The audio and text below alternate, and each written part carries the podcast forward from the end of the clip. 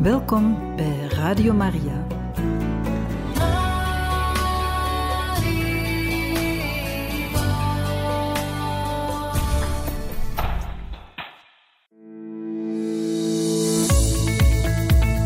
Exodus en Magnificat 90. Een opgang naar Pasen in 90 dagen bij Radio Maria.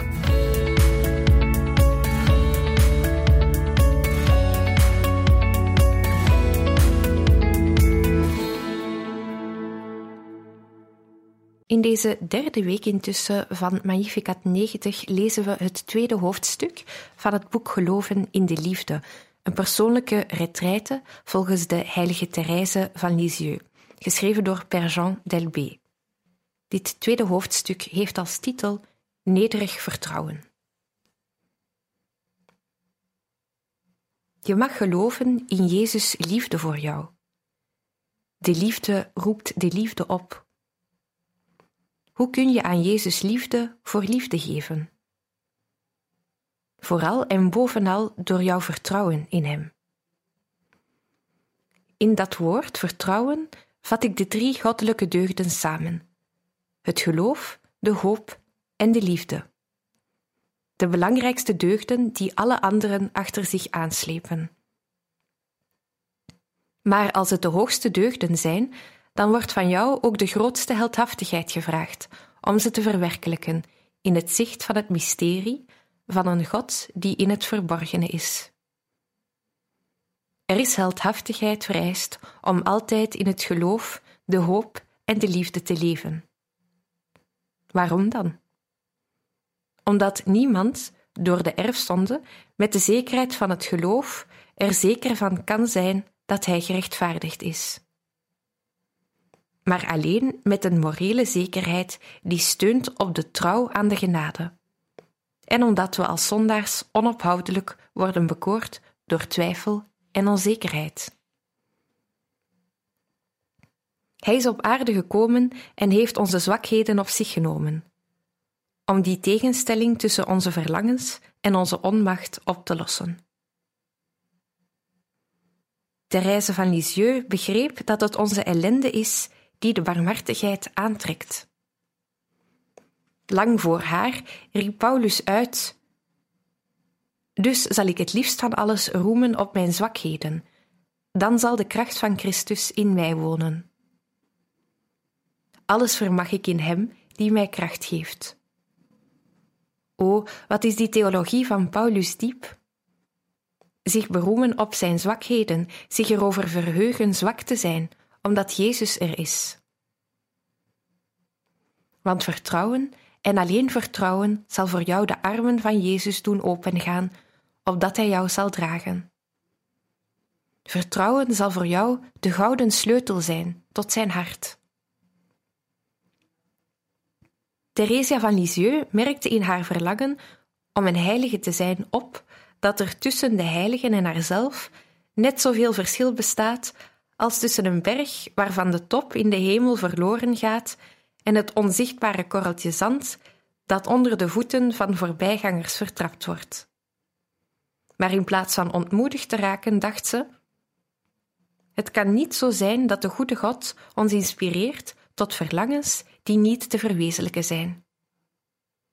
Ik kan dus, ondanks mijn kleinheid, streven naar heiligheid. Groter worden kan ik niet, ik moet het doen met mezelf, zoals ik ben met al mijn onvolmaaktheden. Maar ik wil het middel vinden om via een kleine, helemaal nieuwe weg naar de hemel te gaan. We leven in een eeuw van uitvindingen. Het is nu niet meer nodig om de treden van een trap op te gaan. Bij de rijken wordt het handig vervangen door een lift. Ik ga ook een lift uitvinden die me tot bij Jezus optilt want ik ben te klein en de steile trap van de volmaaktheid kan ik niet beklimmen. Dus heb ik in de heilige boeken gezocht naar een aanwijzing voor die lift, waarnaar ik verlangde. En ik heb de volgende woorden gelezen die uit de mond van de eeuwige wijsheid zijn voortgekomen, namelijk: Als iemand heel klein is, laat hij dan tot mij komen. Ik ben dus gegaan omdat ik dacht dat ik gevonden had wat ik zocht, en omdat ik wilde weten, mijn God, wat u zou doen voor de heel kleine die op uw roep zou antwoorden. En kijk wat ik vond. Zoals een moeder haar kind troost, zo zal ik u troosten. Haar zuigelingen worden op de heup gedragen en op de knieën vertroeteld. Nooit hebben tederder woorden mijn ziel verblijd.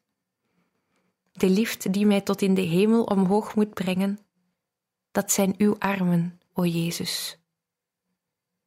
Het is daartoe voor mij niet nodig dat ik groei. Integendeel, ik moet klein blijven en steeds kleiner worden. O mijn God, u hebt mijn verwachtingen overtroffen, en ik wil uw barmhartigheid bezingen. De hele theologie van Theresia van Lisieux, die een echo is van die van Paulus, wordt samengevat en onder ons bereik gebracht in deze regels, die we eindeloos kunnen overwegen, zonder dat de rijkdom ervan ooit uitgeput raakt.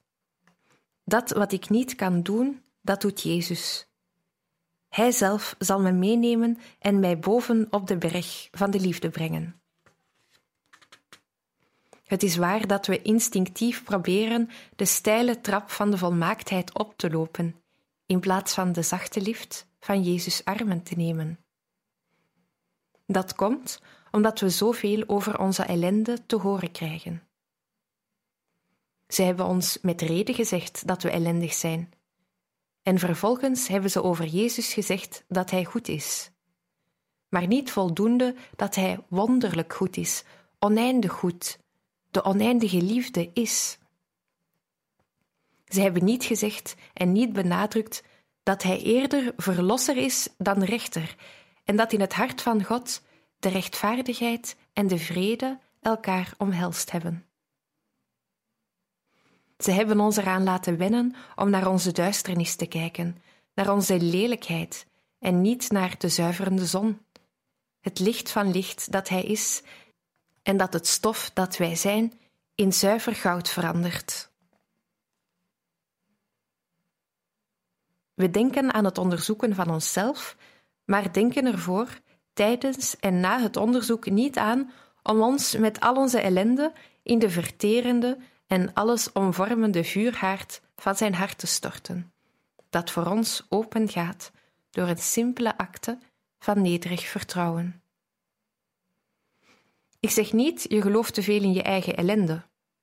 We zijn nog heel wat ellendiger dan we kunnen zien. Maar ik zeg je wel, je gelooft onvoldoende in de barmhartige liefde. We mogen vertrouwen hebben, niet ondanks onze ellende, maar juist erdoor, want de ellende trekt immers de barmhartigheid aan. O dat woord barmhartigheid, misericordia, miseris cordari. Een hart dat zich geeft aan de ellendigen. Een hart dat zich voedt met de ellende door die te verteren. Denk na over dat woord. Barmhartigheid. Thomas zegt dat barmhartigheid bewijzen aan God eigen is en dat daarin zijn almacht in de hoogste vorm tot uiting komt. Theresia van Lisieux had dit begrepen toen zij de regels schreef waarmee haar manuscript eindigt en die er de bekroning van zijn. Ja, ik voel het, schreef ze, al zou ik ook alle zonden die maar begaan kunnen worden op mijn geweten hebben, dan zou ik me toch met een hart vermorzeld door berouw in de armen van Jezus werpen.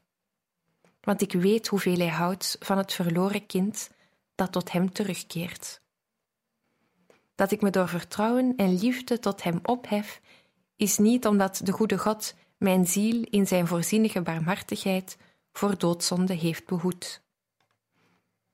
En kort voor haar dood zei ze tegen moeder Agnes: Ik weet zeker dat ik, als ik alle mogelijke misdaden begaan zou hebben, nog altijd hetzelfde vertrouwen zou hebben. Ik zou denken dat die menigte aan beledigingen als een druppel water zouden zijn die in een brandende vuurhaard geworpen wordt. alle mogelijke misdaden, een menigte beledigingen en een druppel water in een onmetelijke vuurhaard. Zo ligt de verhouding. En die verklaring is zo logisch dat ze onweerlegbaar is. Wanneer ik deze leer van het vertrouwen in de ellende heb gepreekt, waarbij ik me op Theresia van Lisieux baseerde, kreeg ik vaak, heel vaak de tegenwerping. Ja, ze was wonderlijk vol vertrouwen, maar zij kon zeggen dat ze vanaf haar derde jaar onze lieve Heer niets geweigerd had. Als ik mezelf zo kon rechtvaardigen door sinds mijn jeugd niets aan Jezus te hebben geweigerd, dan zou ik gemakkelijk evenveel vertrouwen hebben als zij. Ja, die tegenwerping is me gemaakt en ik heb er altijd begrip voor gehad dat men die maakte. Maar zij had dat voorzien en geeft er een antwoord op in de laatste zin van haar grote brief aan zuster Marie van het Heilig Hart, die een bazaal monument van haar leer is. Die is als een testament. Ze schrijft: O Jezus, waarom kan ik niet aan alle zielen zeggen hoe onuitsprekelijk uw toegeeflijkheid is?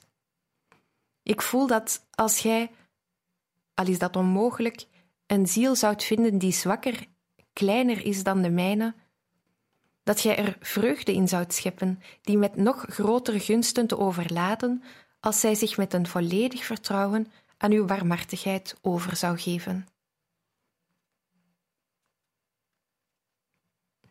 Ik kan me heel goed voorstellen wat er zich in haar geest en in haar hart heeft afgespeeld. Zij die zo graag de kleine zielen met zich mee wilde trekken, dacht dat ze ontmoedigd zou raken als ze zagen hoe trouw zij geweest was. Daarom verklaart ze dat als er een ziel is die nog ellendiger is dan de hare, die ziel dan nog meer overlaten zal worden, als zij zich maar in een volkomen vertrouwen aan de oneindige barmhartigheid overgeeft.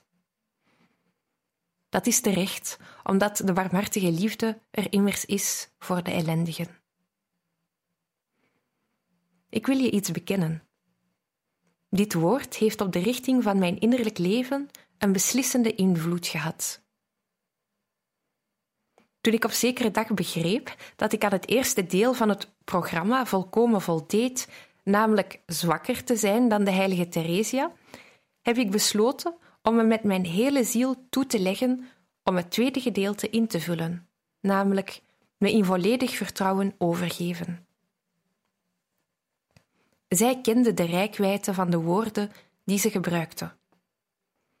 Ze vraagt dat wij ons overgeven en ik zal je aantonen dat de overgave, als ze goed begrepen wordt, de grootste is van alle vormen van onthechting. En zij vraagt meer dan een onmetelijk vertrouwen, meer dan een dwaas vertrouwen.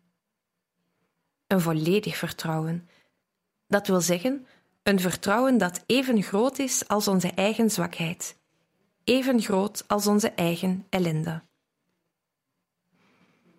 Natuurlijk, wanneer we zien hoe onwaardig we zijn, hoe laf, hoe we ieder moment vallen, hoe zouden we dan niet in de verleiding komen om het vertrouwen te verliezen? Dan stellen we ons de vraag: is de liefde van Jezus, zijn barmhartige liefde, zo groot? Is die werkelijk zo groot? Zijn barmhartige liefde is grenzeloos. Zijn barmhartigheid is oneindig. Juist daardoor kun je en mag je leven naar die leer, die het rijk der hemelen opent voor de meest ellendigen, en de weg van de heiligheid voor de allerarmsten.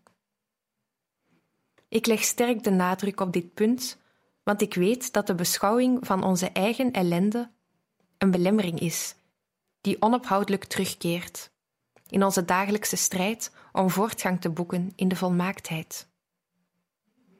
En meer nog dan Paulus en meer dan Theresia van Lisieux toont het Evangelie ons die leer van het heil. Het Evangelie waarin Jezus voor alles en boven alles vraagt om nederigheid en vertrouwen. Kijk naar de verloren zoon. Hij verlaat het vaderhuis. Hij toont een afschuwelijke ondankbaarheid. tegenover de vader die zo goed is.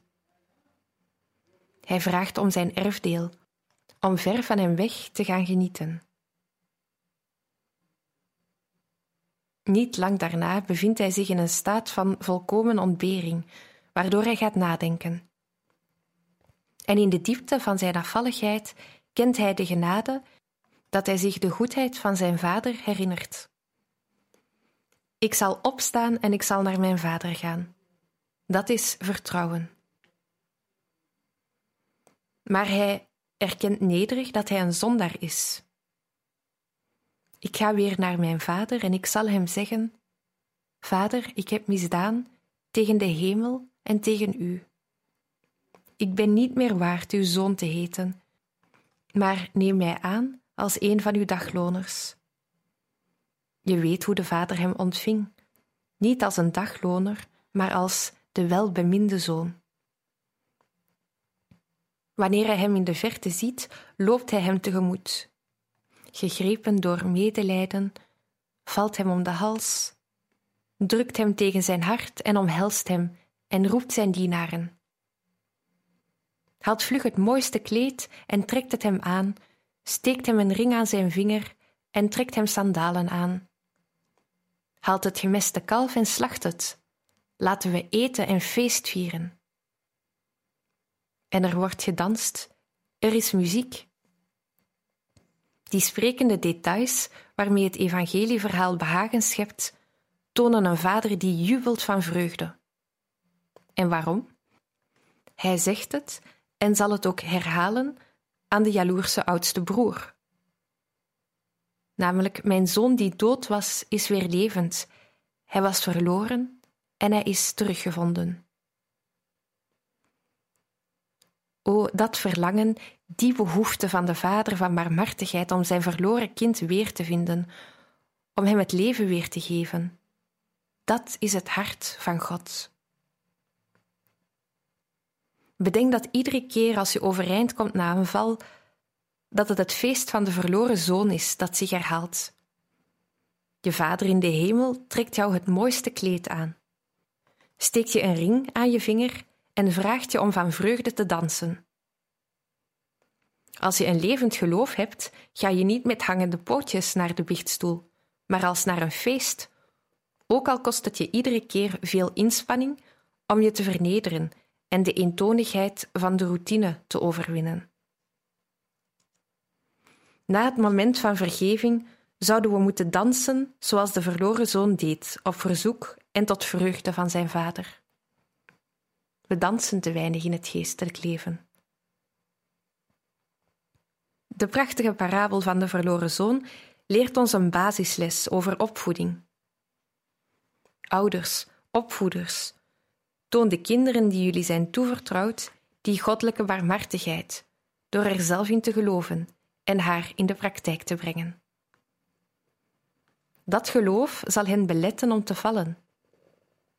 En als ze toch vallen, zullen ze opstaan en terugkeren, omdat jullie hen de zachte goedheid van God hebben doen kennen. Ze zullen zeggen: Ik weet hoe goed God is. Ik weet hoe ik op zijn barmhartigheid kan rekenen. Uit de diepte van mijn zonden zal ik opstaan en naar mijn vader gaan. Gelukkig de ouders die aan hun kinderen die weg gewezen hebben, zonder zwakheid of compromis, maar met een goedheid die zoveel lijkt op die van God, dat ze in de allergrootste moeilijkheden nederig en met onmetelijk vertrouwen kunnen zeggen: Ik sta op en ga naar mijn vader. Ik sta op en ga naar mijn moeder. En via hen ga ik naar mijn vader die in de hemel is. Hoeveel jonge mensen hebben het geloof verloren, niet omdat ze gevallen waren, maar omdat ze niet met liefde werden geholpen, om zo vaak als het nodig was weer op te staan. De goede moordenaar leert ons ook nederigheid en vertrouwen.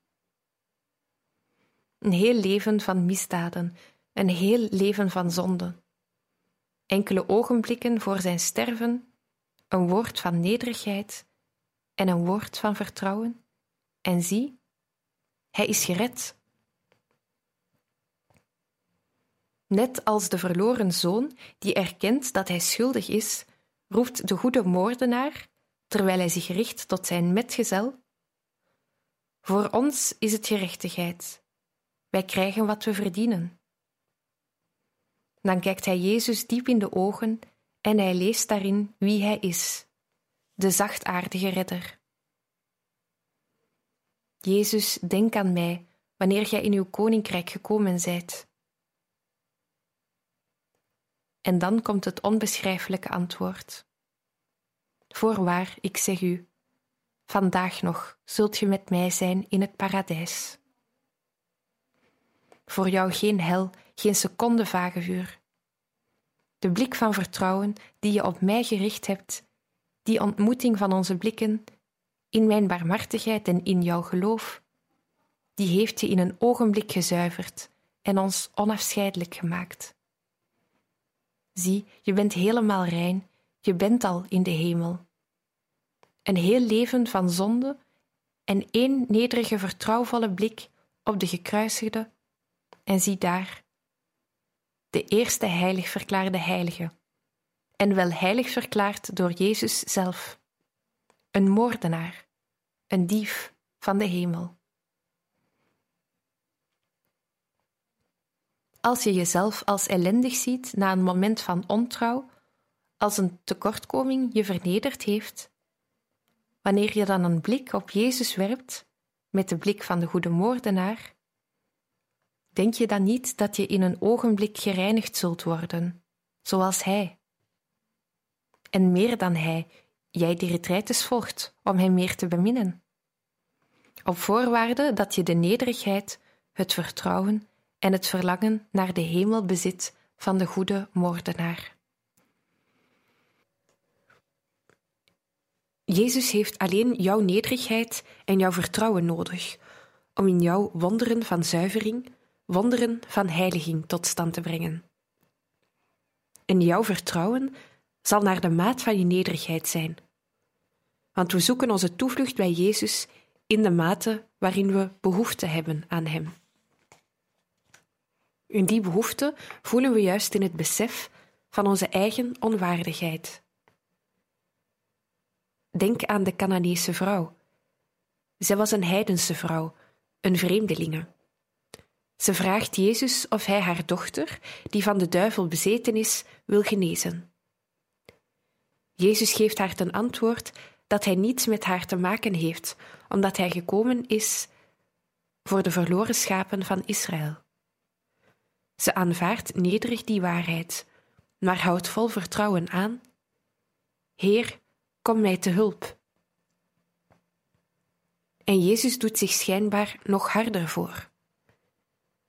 Vaak handelt hij zo met de zielen die hij tot grote hoogte wil doen opstijgen in zijn liefde, om hun geloof te beproeven.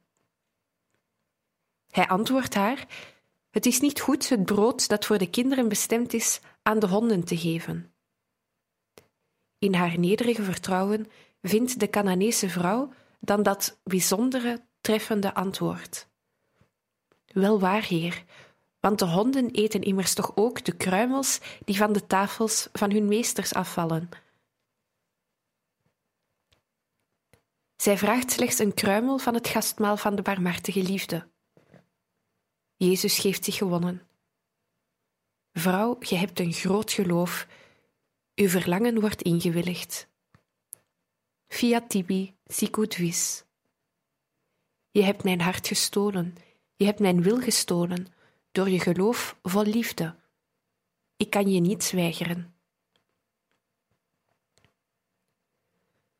Zou het na dit alles te veel gezegd zijn dat zielen die vertrouwen hebben aan God zijn almacht ontnemen? Jij die geen vreemdeling bent, jij die niet het hondje onder de tafel bent, maar een kind van het huis. Door je doopsel mag je Jezus met nog meer zelfzekerheid tegemoet gaan dan de Canaanese vrouw. En daar wij erkennen dat je het niet verdient, maar dat je alles verwacht van een volkomen, kosteloze, oneindige barmhartigheid. Of denk aan de honderd man het is steeds weer hetzelfde: nederigheid en vertrouwen, Heer, ik ben niet waardig, maar spreek slechts één woord en mijn dienaar zal genezen. En hij verklaart: Ik heb weer manschappen onder mij. En tot de een zeg ik: Ga en hij gaat. En tot een ander: Kom en hij komt. En aan mijn knecht: Doe dit en hij doet het.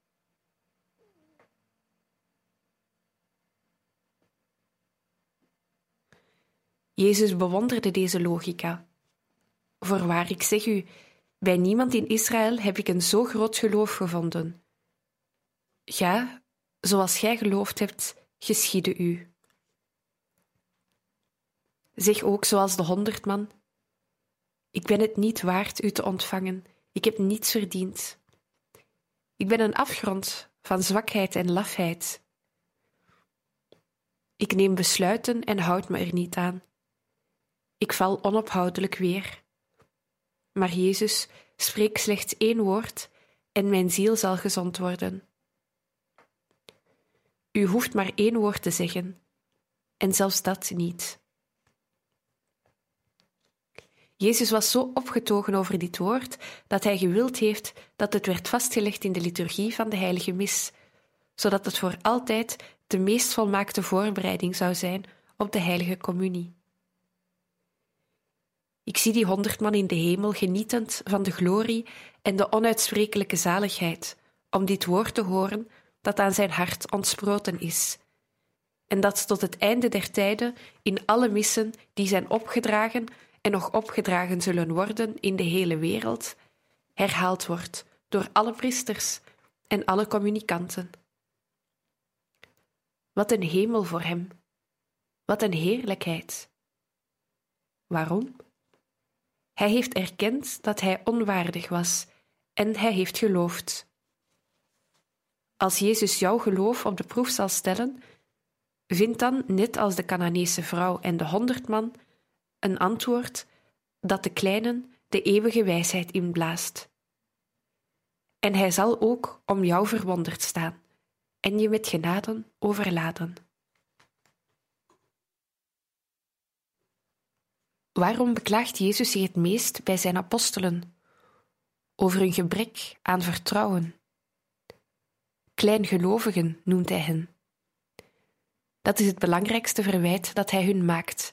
Hij zegt niet tegen hen: mannen zonder karakter, mannen zonder energie, mannen die niet onthecht zijn.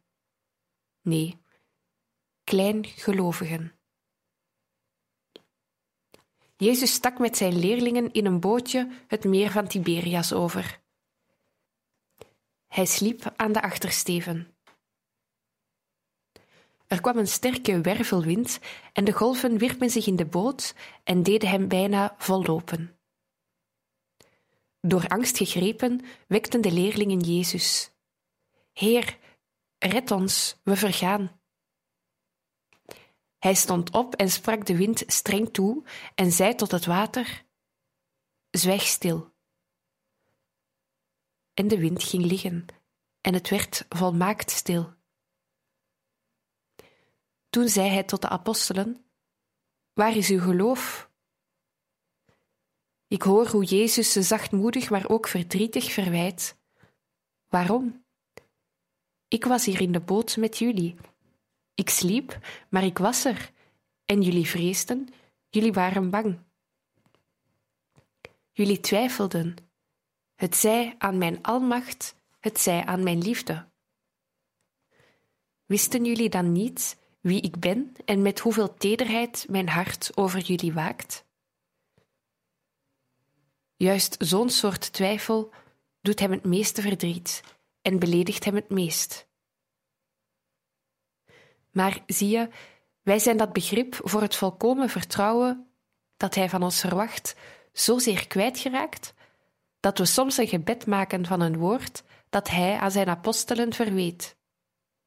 Heer, red ons, wij vergaan.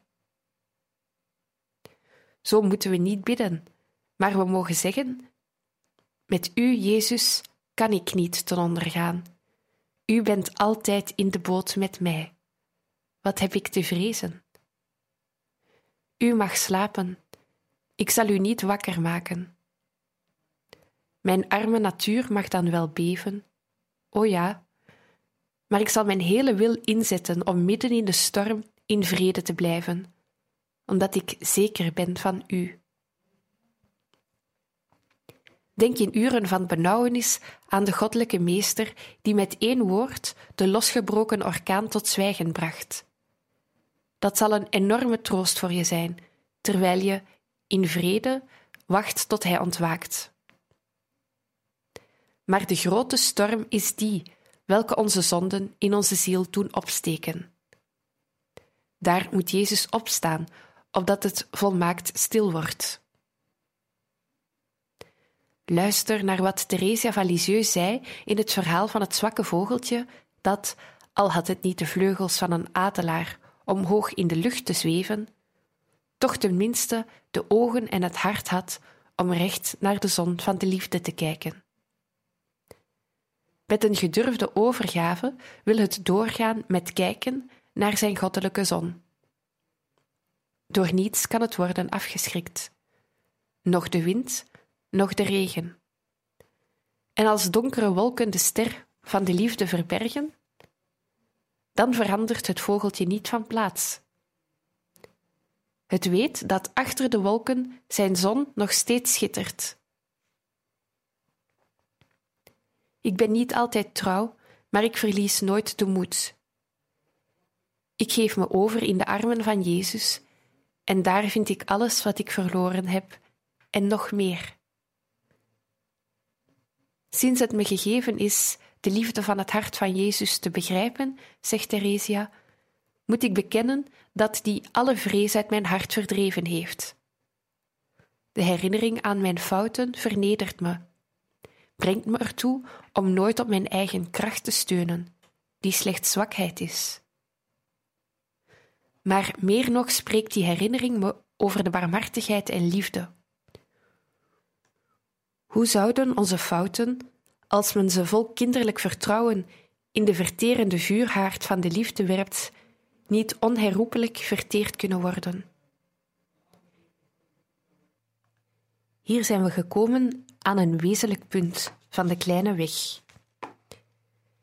En dat betekent dat een ziel die in staat is om in alles Jezus ter wille te zijn, die alles aan Hem heeft overgedragen door haar wil in vrijheid aan Hem over te leveren, en die zielen zijn heel wat talrijker dan men denkt. Een ziel die een daad van opoffering als slachtoffer aan de barmhartige liefde doet, waarover ik nog zal spreken. Een daad waartoe de zwakste zielen geroepen zijn, omdat ze meer geschikt zijn voor de effecten van de verterende en omvormende liefde. Dat zo'n ziel in haar dorst naar zuiverheid mag denken dat zij voortdurend gezuiverd wordt in het vuur van de liefde. Theresia van Lisieux roept uit het schijnt me dat sinds die gelukkige dag van haar opdracht, die warmhartige liefde mij ieder moment vernieuwt, mijn ziel zuivert en er geen enkel spoor van zonde in laat bestaan. Ze ziet zichzelf als zuiver, niet door haarzelf, niemand wordt zomaar in de genade bevestigd, maar zuiver doordat ze gezuiverd, vernieuwd en hervormd wordt in het vuur van de barmhartigheid waaraan ze zich heeft overgeleverd.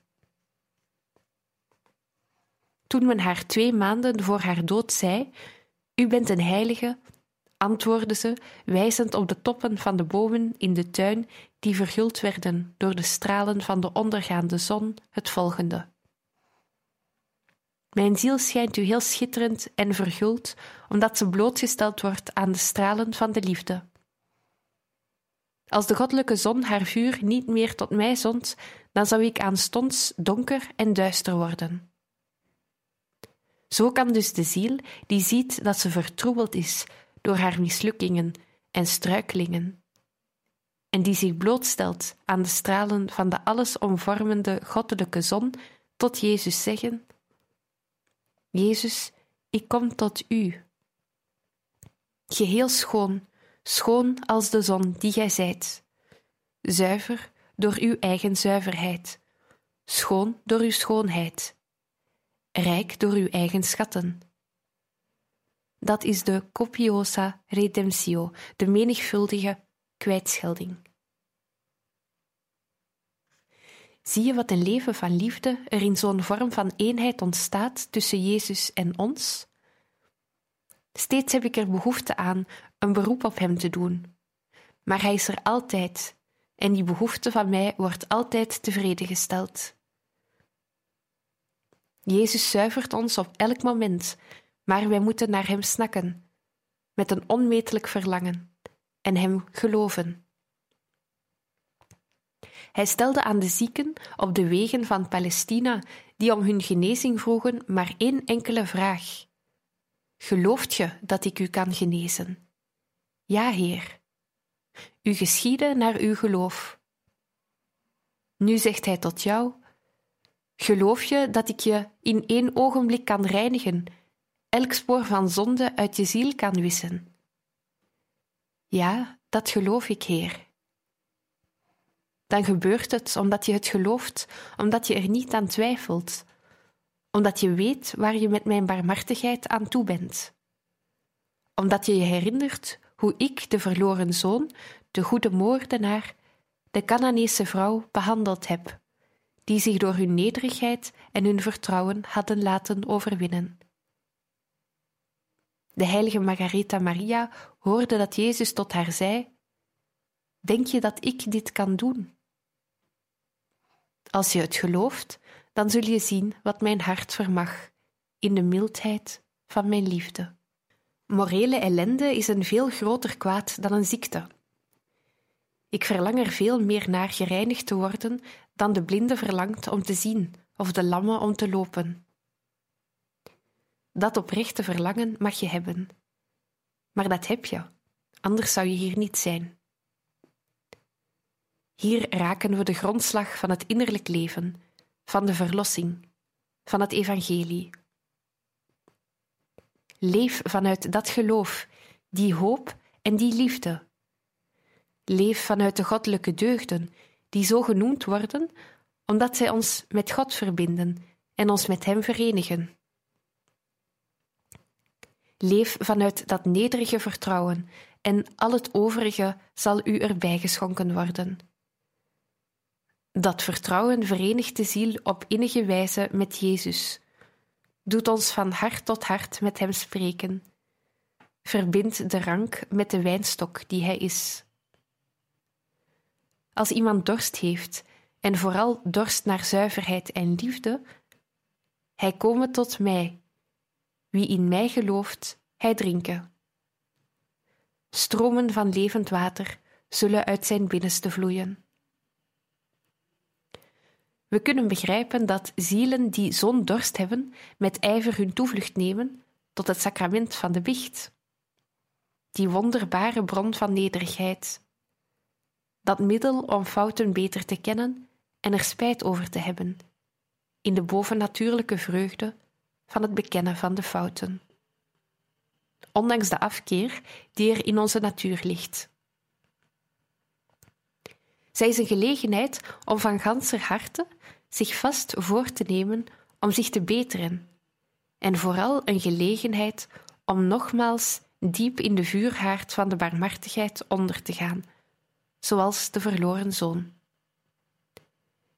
Deze zielen zullen, zelfs als ze geloven dat hun heilige communies, de sacramentaliën en hun daden van vertrouwvolle liefde hen al hebben gereinigd, trouw gaan om samen met de absolutie een heel bijzondere zuivering te ontvangen. Omdat ze sacramenteel is, een nieuwe uitstorting over hen van het bloed van Jezus, hun enige hoop. En daarbij niet te vergeten dat die hulp in ieder geval noodzakelijk is voor de ernstige fouten. Ik denk dat jij, net als ik, er behoefte aan hebt gelukkig te zijn, de liefde te beleven, feest te vieren, te zingen.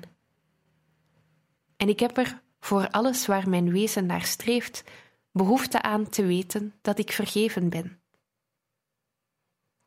Psychiaters schrijven het merendeel van de neurosen, de geestelijke vormen van verwardheid die vandaag zo vaak voorkomen, toe aan het lijden dat wordt veroorzaakt door schuldgevoel. De remedie daarvoor van de ongelovigen is om het begrip zonde af te schaffen, om de mensen het begrip voor zonde te doen kwijtraken. Dat is duidelijk een heel radicaal middel. Maar ze slagen er niet in. Het geweten blijft nog steeds aanwezig. Men kan het voor elkaar krijgen om het geweten deels en tijdelijk te onderdrukken, maar men kan het niet doden, evenmin als men God kan doden. Nee, het geneesmiddel is de vrede die Jezus ons geeft, de zekerheid dat wij vergeven zijn, omdat we bemind zijn. Johannes verklaart: Als wij beweren zonder zonde te zijn, bedriegen wij onszelf en woont de waarheid niet in ons. Als wij onze zonden belijden, is Hij zo getrouw en genadig dat Hij onze zonden vergeeft en ons reinigt van alle kwaad. Onze liefde voor God is een liefde van vriendschap, een liefde die ontvangen en gegeven wordt. Omdat er in de vriendschap een zekere gelijkheid tussen de beide vrienden vereist is, is God mens geworden heeft Hij zich tot ons vernederd. Is Hij aan ons gelijkvormig geworden. En aan de andere kant heeft Hij ons door de heiligmakende genade opgeheven tot Zijn niveau. Zo kunnen we met Hem dat leven van vriendschap tot stand brengen, waarover Thomas met bewonderenswaardig inzicht schrijft. In de vriendschapsliefde is degene die bemint, als het ware, in zijn vriend, doordat hij het goed en kwaad zelf van zijn vriend tot het zijne maakt. Het is dan ook eigen aan vrienden om dezelfde dingen te willen. De vriendschap wordt dus tot stand gebracht door het wederzijds vertrouwen, door hetzelfde te willen. Jezus heeft een hart als het onze. Hij heeft het aangenomen om ons te kunnen beminnen zoals wij Hem zouden beminnen. Daarom is een zonde die hem uitdaagt, die hem beledigt, een grotere droefenis voor hem dan honderd zonden uit zwakheid. Ik heb al vaak opgemerkt dat Jezus, om je te belonen voor een daad van vertrouwen, jou de gelegenheid geeft om een nog grotere daad van vertrouwen te stellen. Denk aan de scène op het meer, De apostelen zitten in de boot die wordt geteisterd door de golven, omdat ze harde tegenwind hebben. Tijdens de vierde nachtwaken komt Jezus naar hen toe, lopend over het meer. De leerlingen zien hem aan voor een spook en stoten angstkreten uit. Meteen zegt Jezus: Heb vertrouwen, ik ben het. Vrees niet. Petrus zegt: Heer, als gij het zijt, beveel me dan dat ik over het water naar u toe kom. Jezus zegt: Kom. Petrus stapt op het water, maar als hij de hevigheid van de wind ziet, wordt hij bang, en terwijl hij begint weg te zakken, roept hij uit: Heer, red mij. Jezus steekt hem zijn hand toe, grijpt hem en zegt tot hem: Kleingelovige, waarom hebt je getwijfeld? Petrus had al een mooie daad van vertrouwen gesteld door op het meer te stappen. Om hem daarvoor te belonen, geeft Jezus hem de gelegenheid om een nog grotere daad van vertrouwen te stellen door toe te laten dat hij wegzakt in het water. De eerste daad van vertrouwen stelde Petrus wel, maar de tweede helaas niet. Martha en Maria toonden aan het sterfbed van Lazarus hun vertrouwen in Jezus op een voortreffelijke manier, door hem dat bijzondere fijngevoelige bericht te sturen dat bewees hoezeer ze zijn hart, zijn medelijden en zijn vriendschap voor Lazarus kenden. Heer, hij die gij lief hebt, is ziek. O, wat moet Jezus getroffen zijn door zo'n verzoek? Om Martha en Maria te belonen voor hun fijngevoelige vertrouwen, laat hij toe dat Lazarus sterft en geeft hun daarmee de mogelijkheid tot een duizendmaal groter vertrouwen. Een daad van geloof in zijn almacht. Jezus zal Lazarus doen opstaan, maar hij heeft daarvoor een daad van geloof nodig, zoals altijd. Jezus herinnert Martha eraan wie hij is. Ik ben de verrijzenis en het leven. Wie in mij gelooft, zal nooit sterven. Geloof je dat? Dat nu is de grote vraag, de voorwaarde voor het wonder. Geloof je dat ik het kan? Geloof je dat ik het zal doen? Dat ik je broer zal opwekken uit de dood? Martha stelde de daad van geloof. Ja, Heer, ik geloof dat Gij de Christus zijt, de Zoon van de levende God.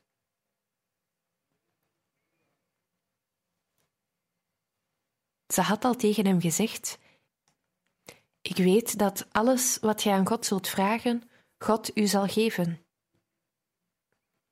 Zo doet Jezus met hen die hij lief heeft. Hij verhoort een eerste gebed niet, hij laat een nog grotere ramp toe. En dan zijn we uit het veld geslagen. Ik heb gebeden en mij niet verhoord. Alles is verloren, alles is afgelopen. God luistert niet naar mij. Hij houdt niet van me. Omdat God van jou houdt, wil Hij zien hoe ver je zult gaan in je vertrouwen. Hij wil, zoals tegen de Canaanese vrouw, kunnen zeggen: Wat is jouw geloof groot? Handel niet als Petrus die in het water zakte, maar handel als Martha en Maria voor het graf van Lazarus. Vertrouwen tot de dood. Geloven, geloven in de goddelijke almacht, geloven in de liefde. Heer, vermeerder mijn geloof. Het hoogste en meest volledige bewijs van de liefde is om onszelf helemaal over te leveren, door ons hele vertrouwen te geven aan degene die we lief hebben. Wees met Jezus als een vriend met zijn vriend, zeer liefhebbend en zeer geliefd. Breng hem je zwakheden en je missers, zoals je hem ook je daden van edelmoedigheid brengt. De daden van edelmoedigheid zijn voor de rechter, die zo goed is. De zwakheden en de missers zijn voor de redder. En alles is voor de vriend. Ik noem u geen dienaren meer, maar vrienden. Vertrouwen, vertrouwen, onbegrensd vertrouwen. Volkomen, kinderlijk, geheel alomvattend. Dat is wat ik wil dat je van deze retraite meeneemt. Het is dat vertrouwen dat alle wonderen tot stand brengt. Door hun dit geheim uit de hemel te geven, doen we de zielen herleven. Wanneer ze begrepen worden, kunnen ze hun vlucht nemen en ze zweven. En edelmoedigheid wordt een behoefte voor hen. En dat alles in een eenvoud die alle gevaar voor verwaandheid en trots wegneemt. We moeten nu eenmaal toegeven, we zijn allemaal afgronden van ellende, van zonde, sinds de erfzonde.